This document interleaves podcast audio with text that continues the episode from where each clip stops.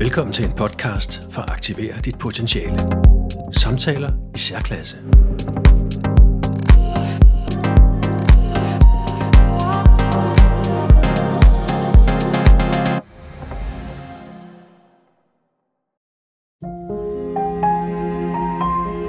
Talenttesten hviler på mere end 25 års forskning fra Gallup.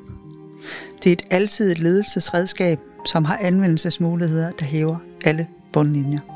Både økonomisk, trivselsmæssigt og i forhold til performance.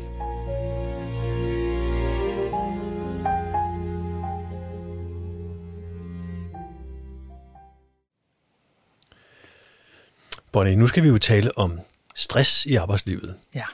i forhold til talenttesten, som du arbejder med. Ja.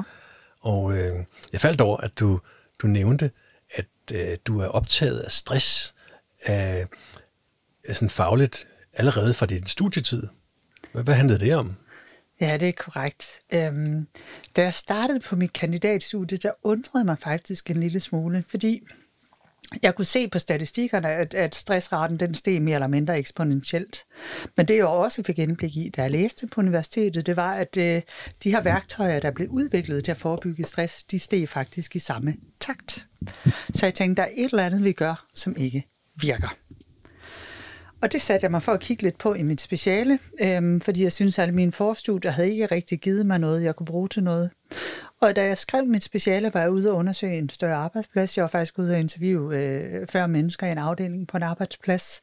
Og det jeg sådan fandt ud af, da jeg snakkede med dem, det var, at der var sådan to meget forskellige kategorier på arbejdspladsen. Den ene kategori var sådan en mandligt konnoteret, kan man næsten kalde det. Det vil sige, det var en gruppe, der overvejende var mænd.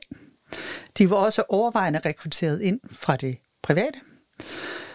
Over for dem stod der en gruppe, som overvejende var kvinder. Det vil sige mest af alt kvinder, som overvejende havde arbejdet det offentlige det meste af deres liv. Og i de her to grupper, der var der meget forskellige holdninger til rigtig mange ting. For eksempel havde kvinderne den holdning til kaffepauserne om morgenen, at øh, formiddagskaffen med kollegaerne, det var simpelthen det vigtigste. Fordi så kunne de lige sige, åh, børn er forfærdelige her øh, i dag, eller det har alt for mange sager på mit bord, eller ej, var det bare øh, svært med et eller andet. Så lige at få ventileret, hvad der nu indtrykkede dem. Så kunne de gå videre i deres arbejdsdag, uden at være stresset. Den mandlige gruppe havde det meget anderledes med de her pauser, hvor de sagde, at vi sætter os gerne ned og drikker kaffe med vores kollegaer. Men hvis vi ikke først har fået ryddet vores opgaver af vejen, så bliver vi stresset af at sætte os ned. Så man kan sige, at det, der virkede for den ene gruppe, det var faktisk decideret kontraproduktivt for den anden, som blev stresset. Og det samme galt i forhold til mus-samtalerne. Hvor den kvindelige gruppe sagde, mus-samtalerne er simpelthen det mest fantastiske. Vi elsker det. Vi forbereder os flere måneder i forvejen til den her en til en time, vi nu har med vores ledere, hvor vi kan blive set og blive mødt og forstået. Der havde mændene det sådan, "Ah, jeg skal da ikke sidde en time øh, om året på min chefs kontor og spille vores begge tos tid. Altså han skal der stå der, hvis jeg har brug for ham ad hoc. Så jeg, det, og det skal der bare være 5-10 minutter sparring, og så kan vi komme videre, fordi de var effektive og produktive. Ja. Og da jeg stod på den anden side af mit speciale, der tænkte jeg, jeg kan godt se, de redskaber, vi har som mus-samtaler og trivselsundersøgelser osv., de virker ikke, fordi de ser på medarbejderne som en ensartet størrelse. Jeg havde allerede udgrænset bare som på et overordnet plan to meget forskellige grupper. Så jeg ville ikke lære nok om dem til at kunne ændre deres vilkår ud for de redskaber, der var der. Mm-hmm. Så tænkte jeg, jeg har faktisk ingen idé om, hvordan jeg løser problemstillingen stadigvæk, men nu er jeg blevet klogere på et lidt højere niveau på, hvordan jeg ikke kan det. Og så gik der faktisk en del år, hvor jeg opgav at arbejde med det opgave, og så skrive PhD, som jeg faktisk ellers havde en åbning til. Øhm, men så faldt jeg over talenttesten. Mm-hmm. Og Ja. ja. talenttesten gav mig lige pludselig de svar, jeg manglede. Fordi det er et utroligt nuanceret redskab i forhold til at forstå menneskelig adfærd. Og den der nuancerede indsigt, Ja. den vender du ofte tilbage til, jeg har lagt mærke til. At, at, at, hvor vigtig er den? Den er ualmindelig øh, vigtig. Altså fordi hvis vi har et afsæt, der hedder, at vi alle sammen er forskellige, jamen så bliver vi også stresset af forskellige ting, øhm, og derfor er vi også nødt til at lære at bygge stressforebyggelsesstrategi på individniveau, altså både på individniveau faktisk, men også i teamniveau. Men først og fremmest er vi nødt til at forstå, hvor er det, den enkelte har sin akilleshæl. Handler det om, at vedkommende skal have nogle andre opgaver, skal placeres i en anden kultur, måske under en anden leder, eller skal opgaverne omfordeles i et team, så alle dem, der får opgaverne faktisk øh, får energi af det, uden ja. at blive stresset. Ja. Og hvis jeg lige vender selve begrebet stress. Ja. Øh, jeg har sådan et billede af, at, at øh, altså, jeg vil hellere sige, det virker som om de fleste har et billede af, at stress, det er noget, vi skal kæmpe imod ja. i fjenden, ja. nummer et. Jeg har et andet, lidt andet billede på det. Jeg ser også, at, at, øh, at stress, hvis det taler om, at det er et pres, det er en ubalance, det, at det, det faktisk også øh, har en positiv side. Måske ligefrem en, en nødvendig side. Altså, jeg mener, hvis jeg, hvis jeg vil gå et skridt fremad, mm-hmm. så er jeg nødt til at læne mig fremad, så jeg kommer i ubalance. Sådan at øh, kroppen helt naturligt sætter det ene ben foran det andet. Ja. Øhm, det, det, jeg ved ikke, om det kan kalde det stress, men bare for at sige, det er en ubalance, øh, som, som øh, jeg tænker, den, den er også nødvendig. Og man, skal man ikke også have en vis øh, grad af ubalance i sit øh, arbejdsliv, hvis det er arbejdslivet, det handler om? Øh, ja og nej, vil jeg sige. Altså, du, det du i virkeligheden stikker fingeren i, er et af de helt store problemer, når det kommer til stress. Det er den måde, vi taler om stress på. Aha. Fordi der er, der er så mange vinkler ind i stress. Altså, da jeg skrev mit speciale, endte jeg med, og min titel blev et citat, jeg havde fra en af de medarbejdere, jeg interviewede, som sagde, det er bare blevet så moderne at sige, at man har stress. Mm-hmm. Og det er det på sin vis også, men det er fordi, vi jeg snakker om stress i rigtig mange kontekster. Det er klart, som du siger, hvis man skal udvikle sig, det sagde psykologen godt for mange år siden, så kommer man ind i en frustrationszone, hvor det ikke er rart at være, men det er nogle gange nødvendigt for at udvikle sig. Men det er en type af stress. Øhm, noget andet er den her type stress, man bliver ramt af på arbejdspladsen, som er nedbrydende rent fysisk, kognitivt, øh, mentalt, øh, hvor man er placeret forkert og ikke eller er, i i klima, som man ikke kan holde ud at være i, eller øh, der kan være flere veje til det. Men med talentprofilen har jeg faktisk et indblik i, hvor er det, jeg, den enkelte henter energi, hvor er det, den enkelte vil blive presset. Det er en ting. Den anden ting er, at den har en stressgraf, der er faktisk, eller en stressprofil, der er tre forskellige grafer i den, der opererer med fem forskellige undertyper af stressprofiler, man kan have eller kan være disponeret for, mm-hmm. afhængig af talent- eller personlighedsprofilen, som man nu har. Og jeg tror, det er en lidt mere objektiv vej at gå ind i at sige, hvor er det dine sårbarhedspunkter kan ligge, ja. Og hvordan kan jeg bygge en individuel strategi for dig, som det team, der er omkring, eller din kone, eller dine venner, eller hvem det nu er, du bor sammen med derhjemme, også i privaten, kan tabe ind i og hjælpe dig med at ikke at blive ramt af, eller at komme ud over, eller at kompensere for, ja. hvis du bliver ramt. Ja. Fordi noget af det første, der sker, når man bliver meget stresset, det er, at man starter med at tabe overblikket over alvoren i ens egen situation. Ja. Så hvis toget det først er kørt, så er det altså vigtigt, at man også har nogen udenom, så der er i stand til at se, at nu skal der til at ske noget andet. Mm-hmm. Så selvfølgelig har man selv et ansvar for at forebygge, ja. men man er nødt til at have nogen ude omkring sig også, som er i stand ja. til at kigge på det. Og det, så det er sådan en form for balance mellem, eller en kombination af, at hvordan øh, har jeg det med, hvor, hvor godt kender jeg til min der, hvor jeg skal øh, helst vil være, hvor jeg trives godt, hvor jeg får energi, hvor, og i forhold til talenttesten også, ja. og, og hvor jeg måske skal finde nogle måder at håndtere nogle, nogle svagheder, jeg har på, samtidig med, at man er typisk er i en organisation, hvis det er arbejdslivet i hvert fald, ja. at, som også kan gøre noget for, at, at øh, øh, jeg vil sige, alle får aktiveret deres potentiale, det de kan, det de er gode til. Øh, oplever du, at det er hvis der er stressproblemer, har du sådan indtryk af, hvad balancen er det?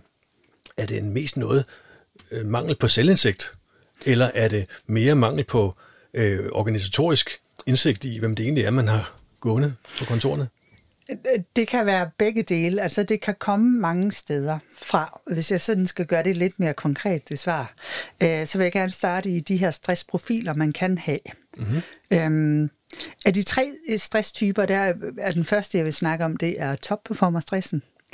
Det er som regel mennesker, som er meget stræbende, øh, super energiske. Det er den her type medarbejdere, som øh, kan løbe sig selv ihjel, hvis man ikke passer på dem. Altså, hvis du giver sådan en medarbejder 10 nye opgaver om dagen, jamen så løser de 10 nye opgaver om dagen, og det bliver de faktisk ved med at gøre, indtil de falder om. De heldige af dem, det er dem, der vågner op i en dag i sengen, grædende og ikke øh, kan rejse sig, ikke ved, hvad der har ramt dem. Og de er syge meget, meget lang tid. Hvis man har sådan en type medarbejder, så skal man sørge for at afgrænse med opgaverne, så når der bliver udstukket 10 nye hasteopgaver, så skal man faktisk huske at tage 10 fra dem. Det er en måde, man kan passe på dem. Man er simpelthen nødt til at afgrænse dem, så de ikke arbejder sig selv ihjel. Mm-hmm. Det kan være en type stress. Så er der den type stress, der hedder neurotisk stress og den kommer i tre forskellige udgaver. Øh, der er perfektionisten, som hvis de begynder at blive presset, kommer til at sidde og være lidt for detaljefokuseret, så bruger de lige et par timer ekstra på hver eneste opgave, for at være sikker mm. på, at alt står snorlige, øh, som selvfølgelig er tærende, når det tager ja. overhånd. Ja. Øhm, så er der overtænkeren, som hvis de bliver for presset, kommer til at sidde og ruminere hjemme. Der kan, være, der kan være lidt forskellige talentprofiler, der kan havne der. Men så kommer de simpelthen til at sidde og lubetænkende og dræner systemet af den vej. Øh, den sidste type neurotisk stress, den vil jeg kalde en form for relaterende stress. Det er folk, der har meget sensitive antenner til omgivelserne. Mm-hmm. Så man for eksempel har det harmoniskabende talent, som næsten giver sig selv, så er man ikke særlig glad for at være i, i rum, hvor der er alt for meget disharmoni. Øhm, det skal også tages hånd om på en særlig måde. Og det, det kan også ligge i en ledelsesopgave at sige, hvordan sætter vi rammerne her? Klar forventningsafstemning, så du ved, hvad skal du præstere hvornår? Ja. Og hvordan, og hvor er grænsen i det hele? Ja. Den sidste type af stress i den her, øh, i den her test, det er submissiv stress. Øh, på en arbejdsplads, der handler det rigtig meget om forholdet til nærmeste leder. Øh, det er ikke nødvendigvis den gruppe af medarbejdere, der bliver allermest syge, altså hvor topperformerne kan blive rigtig syge fysisk, kan systemet gå helt ned. Øh, den neurotiske stress, der kan folk øh, få depressioner, de kan få angst. Så kan de her i den submissive kategori godt få depressioner, men, men de bliver aldrig, eller ikke aldrig, de bliver sjældent meget syge, medmindre de har nogle af de andre dispositioner mm-hmm. også. Men på en arbejdsplads kan de være enormt dræbende.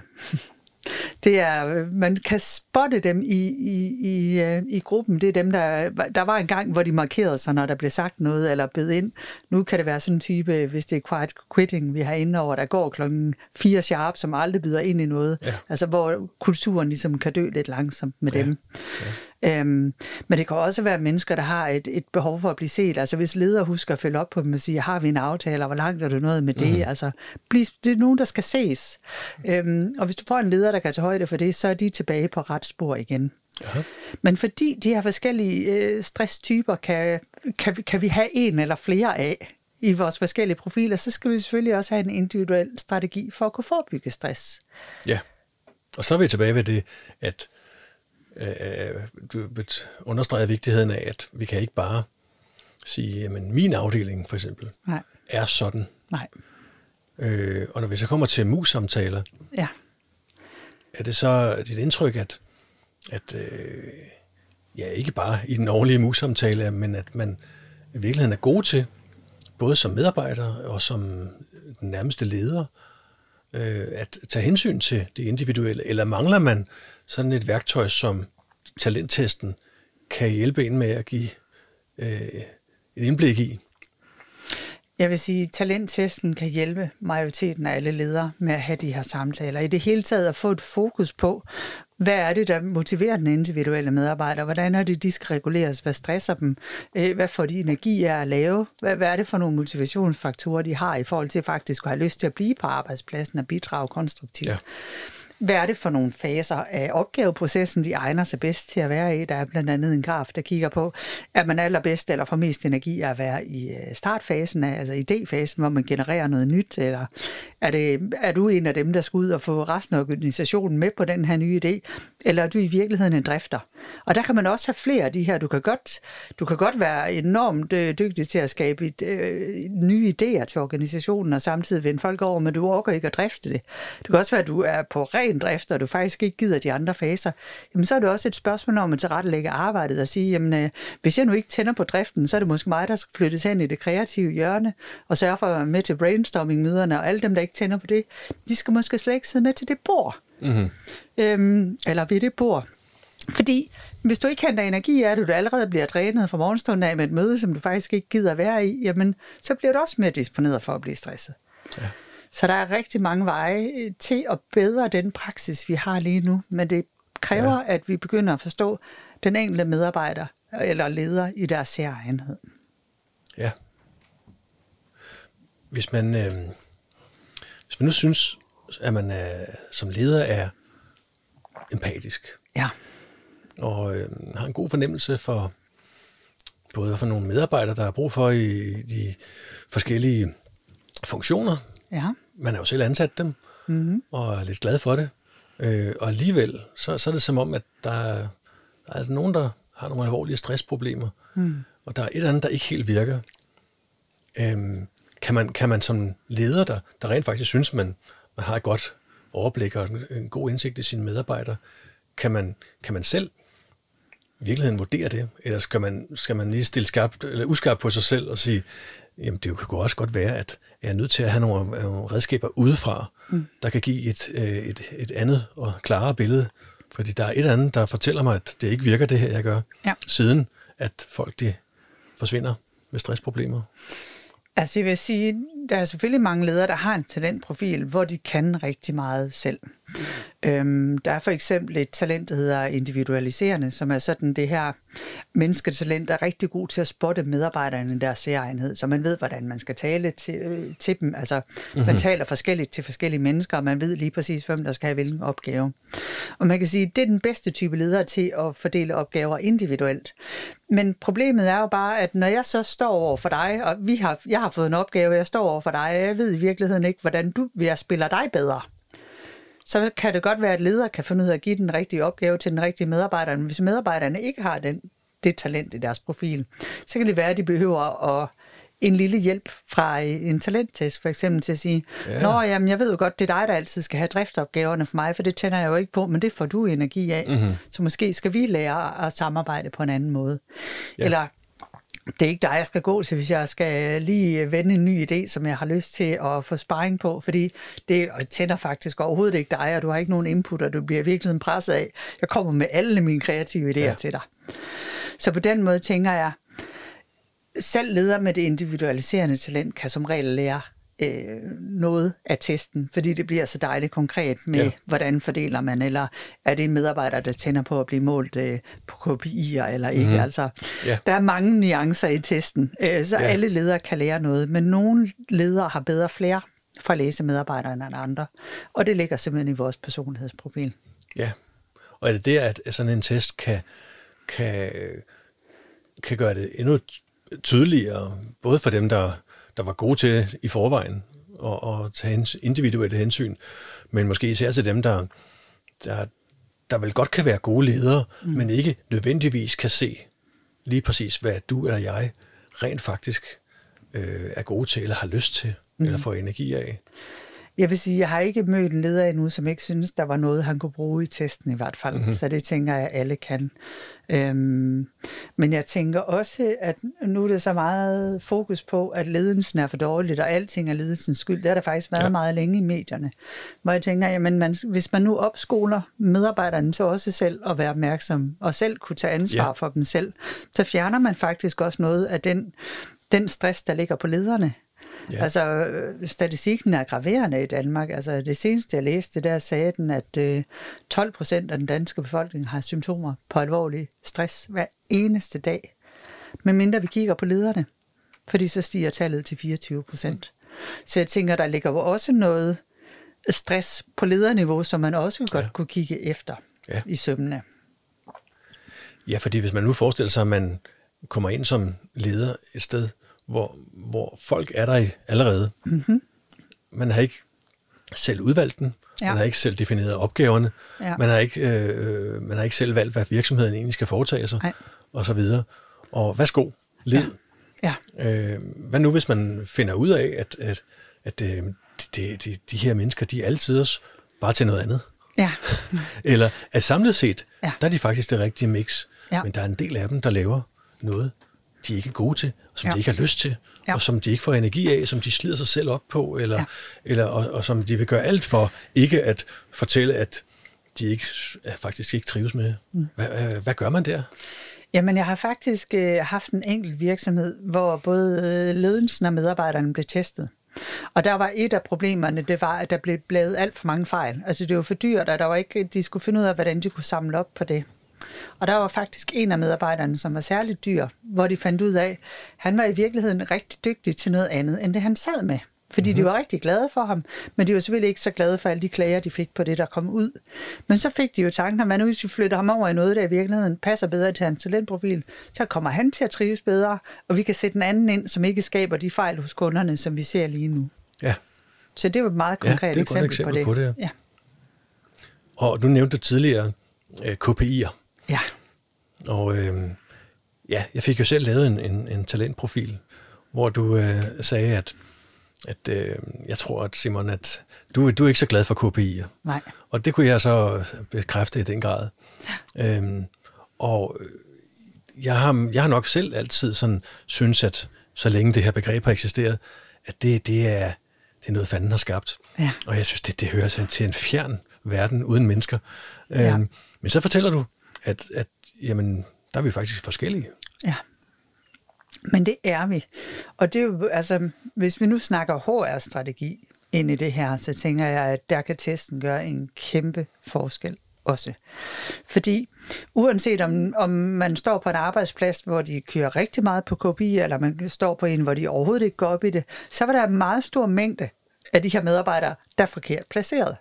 Altså nu har jeg det ligesom dig, jeg tænder heller ikke på KPI'er.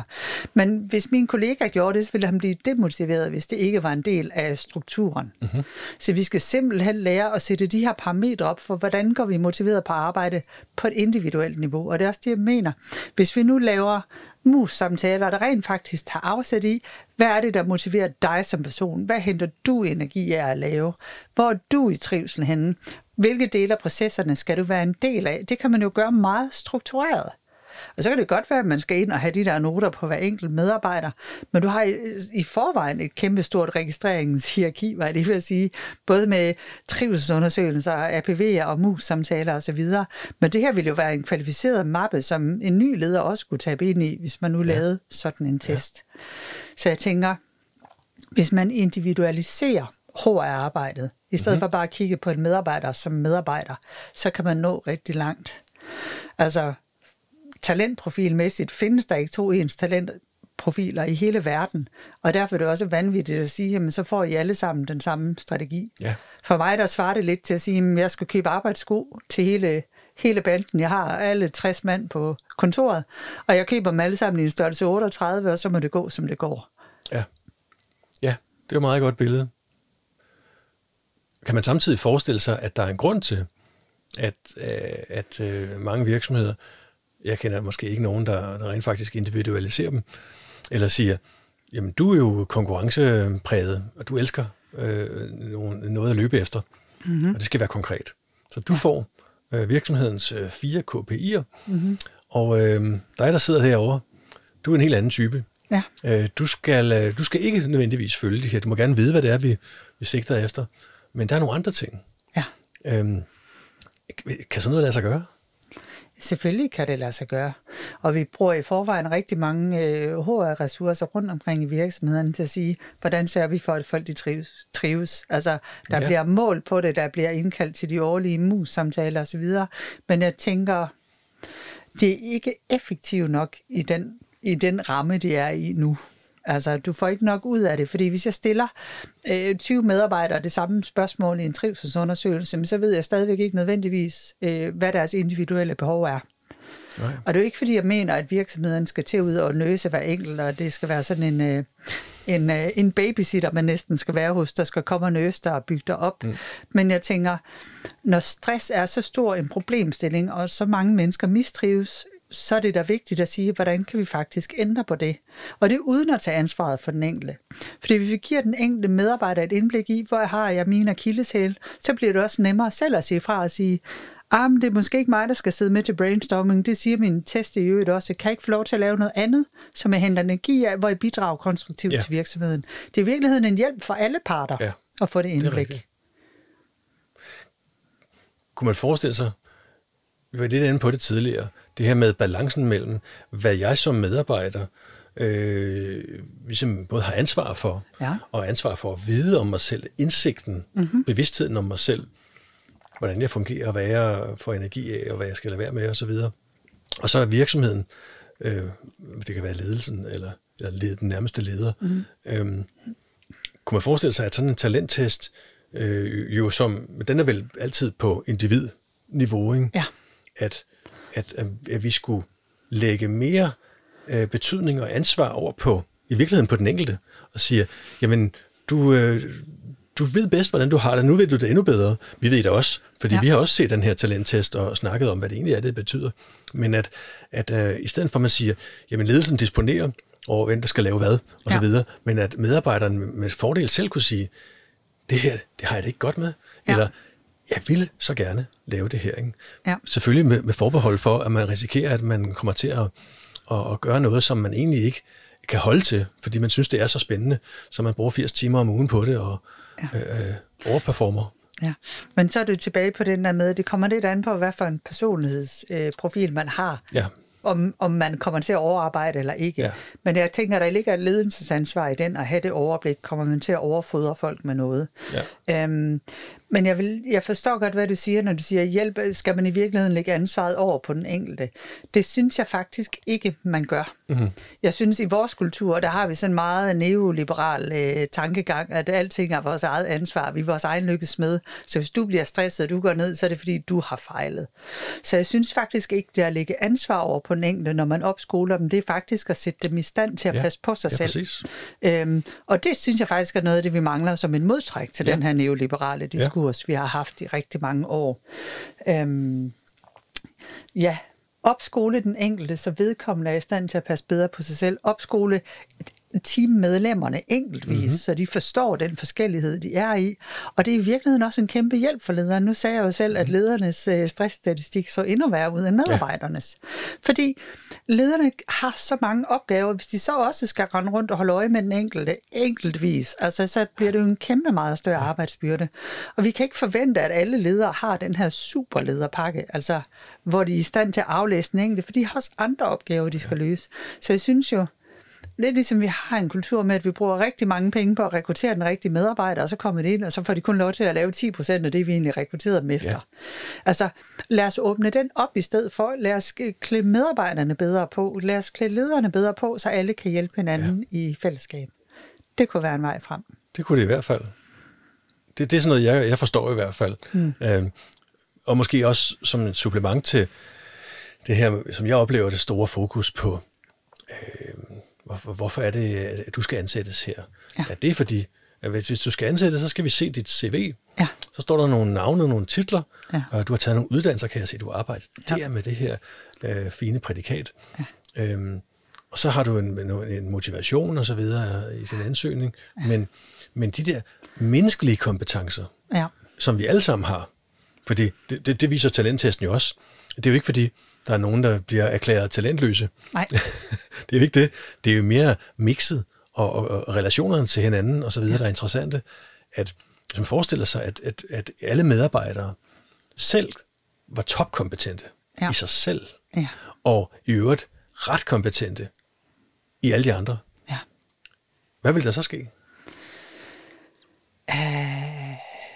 Jeg vil egentlig gerne give dig et konkret eksempel på, hvad jeg oplever, når jeg er ude, der sker. Mm-hmm. Øhm, hvis der er en medarbejderstab, hvor der faktisk tidligere har været lidt mange konflikter, det er det her med, hvis man nu har været med til for mange af de der brainstorming-møder, og i virkeligheden ikke tænder på at sidde der, eller hvis man har fået for mange driftsopgaver i forhold til, hvad man faktisk overgår, eller har talenter til at sidde med, så synes jeg meget tit, at der kommer en dårlig stemning, og man begynder at snære hinanden, og man ser lidt skævt til hinanden osv.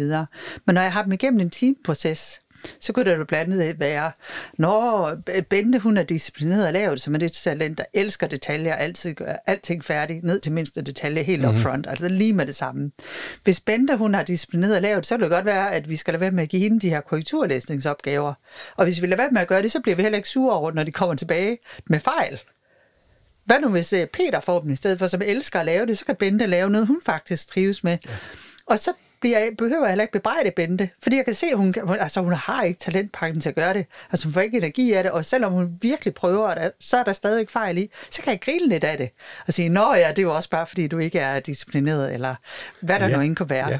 Så jeg synes, der kommer en helt anden stemning i kulturen. Mm-hmm. Når man nu forstår det, ikke fordi du er dum, og det er ikke fordi du er irriterende, eller det er ikke fordi du ikke vil mig. Altså, det er simpelthen bare fordi, du har en anden talentpakke, end jeg har. Ja. Og det, jeg kunne forestille mig i forhold til stress, ja. at, at øh, jeg har et billede af i hvert fald, at mange af os, vi, vi, øh, vi prøver at at være det, vi er ansat til. Det giver jo meget god mening. Ja, øhm, det er rigtigt. Men at vi måske også konstant går på kompromis i et eller andet grad, ja. hvis vi ikke føler, vi øh, det kan være fagligt dygtige nok, eller at vi ikke, øh, vi ikke skærer igennem der, hvor nogen forventer, at vi skulle skære igennem, eller ja. der, hvor vi selv personligt ja. synes, at vi, vi her skulle vi skære igennem, ja. men at vi gerne vil beholde vores job. Ja. Øh, og øh, så bliver det sådan lidt, at man, man ligesom prøver at og, og give sin øh, bil lidt, lidt monkey shine, inden den skal ja. sælges. Ikke? Ja. Ja. Det, det, det faktisk føles måske i nogle tilfælde lidt, lidt, lidt hult, ja. at man, man, øh, man, det, det prætentiøse ja. foregiver ja. et eller andet. Man vil så gerne være oprigtig, ja. men det bliver sværere og sværere, ja. fordi der er ikke nogen, der egentlig forstår mig. Ja. Øh, og til sidst ende forstår jeg heller ikke mig selv, så bliver jeg i tvivl om, hvem jeg er. Ja. Og hvis jeg så har været der i øh, en, en del år, så er det også svært at sige, nu skal I høre, jeg er faktisk en, en, øh, jeg er faktisk lidt andet anderledes. Ja, jeg er faktisk ja. ikke så god til det her. Til gengæld er jeg super god til det ja. herovre. Ja. Øh, er, er, det, er det også sådan en af de der praktiske problemer, man kan komme ud i, fordi folk har følelser? Jamen det kan man da i allerhøjeste grad. Også fordi altså, vi lever i et samfund, hvor arbejdsmålismen ligesom er en grundnorm. Så det er det færreste, der tænker, at jeg trives ikke her, så nu går jeg ud og, og undlader at have et arbejde. Vi har også øh, bygget en kultur op, hvor det er relativt vigtigt at tjene penge, ja. hvis man vil indgå i samfundet. Øhm, jeg tænker, at det lederne kan med talenttesten, i stedet for bare at sige, nu skal vi bruge en eller anden bogholder, der kan det og det, så kan de faktisk øh, kigge lidt dybere og sige, med den kultur, vi har her, eller med den type opgaver, vi har, eller med den slags leder, jeg er, hvem vil så rent faktisk trives her, hvis jeg skal have, have en ind, som bruger sine toptalenter på at lave det, de laver, hvilket betyder, at de er effektive, de er produktive, øh, de trives. Øhm, sådan kunne jeg godt tænke mig, at vi åbnede den op. I stedet for at have et stillingsopslag, der at vi skal bruge det her, så i højere grad definere, hvad er det vedkommende skal have energi af at kunne lave. Det vil hæve ja. alle bundlinjer. Aha. Så i stedet for, at du skal sidde og blive semi-utilfreds med, at du har fået en prædefineret rolle i en eller anden øh, stilling, som du i virkeligheden kun egner dig halvt til med din mm. talentpakke, fordi der er rigtig meget, du kan, som ikke bliver brugt, så vil jeg hellere have, at vi lærer at åbne op og kigger på, hvor vil du shine, hvor kan du give allermest til den her virksomhed. Ja. Gallup har jo lavet undersøgelser på, hvor meget det sker med alle de positive bundlinjer, hvis man placerer folk, så de bruger deres talenter rigtigt. Ja. Hvad, hvad ved du, hvad de er kommet frem til? Altså ikke nødvendigvis i tal, men, ja, det, men er det, gør det, en, øh, ja, altså, er det noget, der kan måles? Tilfredsheden stiger, øh, medarbejdertilfredsheden stiger, salget stiger, omsætningen stiger. Ja. Og man kan faktisk også se, øh, med, i virksomheder med høj og lav medarbejderomsætning, der falder det radikalt. Man kan også sænke antallet af arbejdsulykker på arbejdspladsen, hvis man er en af de virksomheder, der laver noget, ja, hvor der kan ja. gå noget galt. Er det egentlig over i den kategori, der hedder selvfølgelig? Altså, øh, jeg ved godt, at der er forskel på, hvad, hvad, ting, der virker nemme, ja. og så det med at gøre det.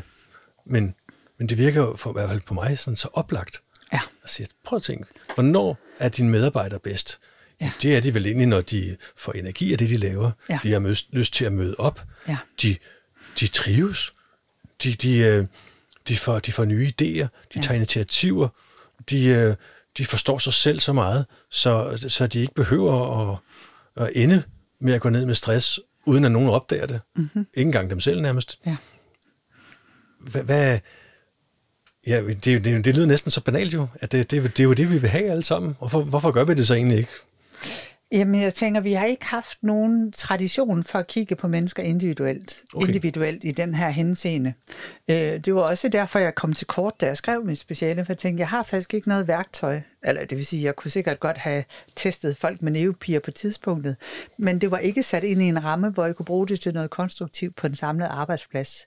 Derudover så kan man sige, hvis, hvis der skulle sidde psykologer og teste folk med neopier personlighedstesten rundt omkring, så ville det for det første blive meget dyrt og meget omstændigt og ikke særligt mm-hmm. omsætningsvenligt. Nej. Så der er kommet et nyt produkt på markedet, der rent faktisk kan give virksomhederne det boost, de skal bruge for at omsætte den viden, ja. de får ud af testen. Ja. Og set i lyset af, at, at øh, flere og flere virksomheder største aktiv, mm-hmm. det er jo mennesker. Ja.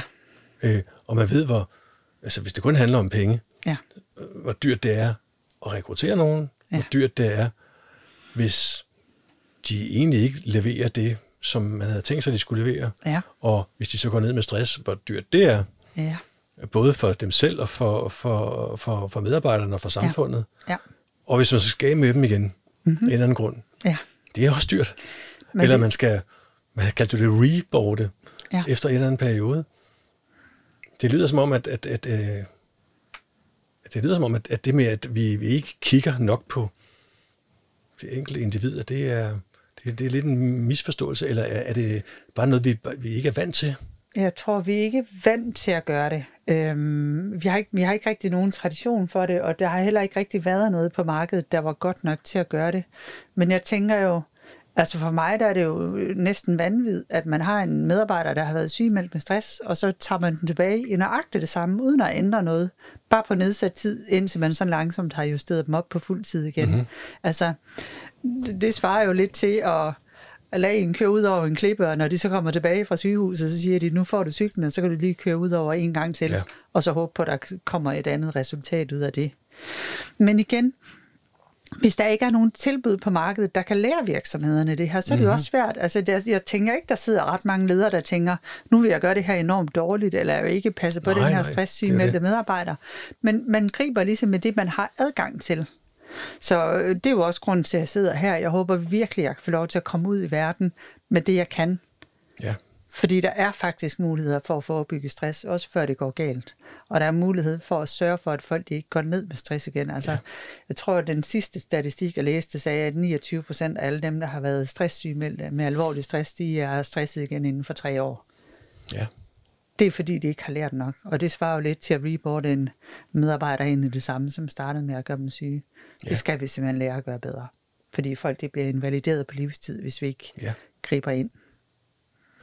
Så her mod slutningen ville, øh, ville tager vi, vi har næsten allerede snakket om det, men tager vi, øh, overser vi pointen i det, vi talte om før med, at i stedet for at fokusere så meget på en anden jobfunktion, en jobbeskrivelse, der står i et eller andet papir, man fik for otte år siden, mm-hmm.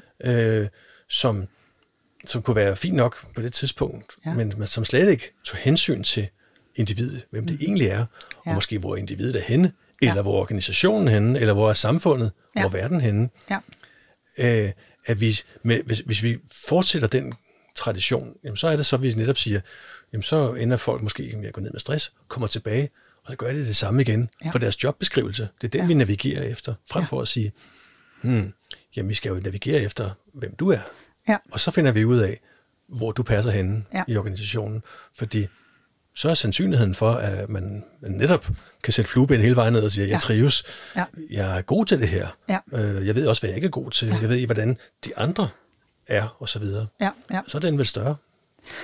Det er den i hvert fald, men nu, nu lavede vi lige sådan nogle små konkrete punktnedslag, eller er du en, der tænder på at blive målt på kopier, mm. ja eller nej? Øh, er du en, som tænder på at sidde med til de her brainstorming-møder, ja eller nej? Altså, der er mange konkrete steder, vi kan gå ind og korrigere i forhold til at omtilrettelægge arbejdet, men det er da vigtigt at finde ud af, hvad er det for en talentprofil, du sidder overfor? Hvad er det for noget, der strider af dig? Er det fordi, der er for meget disharmoni på arbejdspladsen? Skal det i virkeligheden flyttes ud af det? Er der noget i forhold til den leder, du har, som giver gesinger på en forkert måde, eller forkerte opgaver? Eller, altså, det kan jo ligge rigtig mange steder. Og hvis man ikke ja. kortlægger det, så er det jo, som jeg siger, så sender du folk tilbage i det samme. Ja. Og det var sådan lidt til at køre cyklen ud over skrænten en gang til, ja. og håbe på, at det går bedre. Ja. Det skal vi simpelthen lære at gøre anderledes. Og det, det, det jeg kan frygte lidt ved den måde, jeg sidder og siger det på, er, at øh, det kan næsten lyde som om, at nu skal lederen ud og skræddersy alt til den enkelte medarbejder. Ja, vi skal selvfølgelig have samtalen i gruppen om, hvor henter du mest energi, og det er jo ikke fordi, at øh, hvis du nu ikke overgår at læse korrektur, at du ikke engang imellem kan komme til at skulle gøre det mhm. alligevel, mm-hmm. men, men øh, mest af alt tænker jeg, at vi skal simpelthen tænke over det, når vi skaber de her teams. Altså, er der et eller andet, der mangler? Hvad nu, hvis der ikke er nogen af os, der tænder på at sidde og læse korrektur, men vi alle sammen skal gøre det? Så bliver vi alle sammen trætte af det hen over dagen. Altså, ja. i stedet for at sige, at vi kan finde en, der kan det, og så, eller som tænder på at gøre det, så kan få det som delfunktion, og så skal vi andre bruge vores talenter, hvor vi får mere energi. Ja. Fordi arbejdspladsen får mere ud af det, vi får mere ud af det, og alle folk er gladere og mere produktive. Ja. Og det er vel i virkeligheden det, der er opskriften på det gode arbejdsliv. Jamen, det, tænker jeg, det er, men det, det er en ny måde at tænke på, vi ja. skal til at have indført, ja. og så er det selvfølgelig nemmere, når man rekrutterer. Men når, hvis, hvis hele teamet er testet på forhånd, så er det også nemt at se, er det en, der passer ind med de andre? Er der, har vi nogle ligheder, som vi gerne skal have, og har det vedkommende nogle talenter, som gider at løse nogle af de opgaver, som, som ligger for til ja. dem, som også passer med nærmest ledere, altså så er vi allerede et godt stykke på vejen i forhold til succes. Ja, ja. Er der noget, vi har overset? Der er meget, vi har overset. Men er der noget, der vi, vi skal have med i her på falderæbet? Omkring øhm, stress? Jeg tænker, at øh, noget af mit fremadrettede arbejde, men det kommer ind på et andet afsnit, det i hvert fald bliver mm-hmm. at bygge øh, stressstrategi. En øh, HR-strategi med særligt fokus på stress, ja. blandt andet, som kan bruges på alle arbejdspladser. Men igen, fordi alle mennesker er forskellige, er vi også nødt til at bygge sådan en strategi lokalt.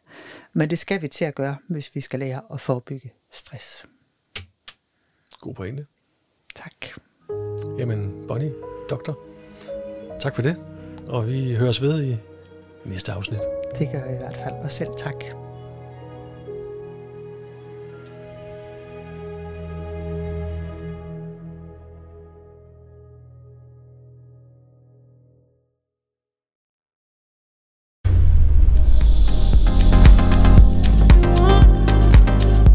Hør flere podcasts på din foretrukne platform.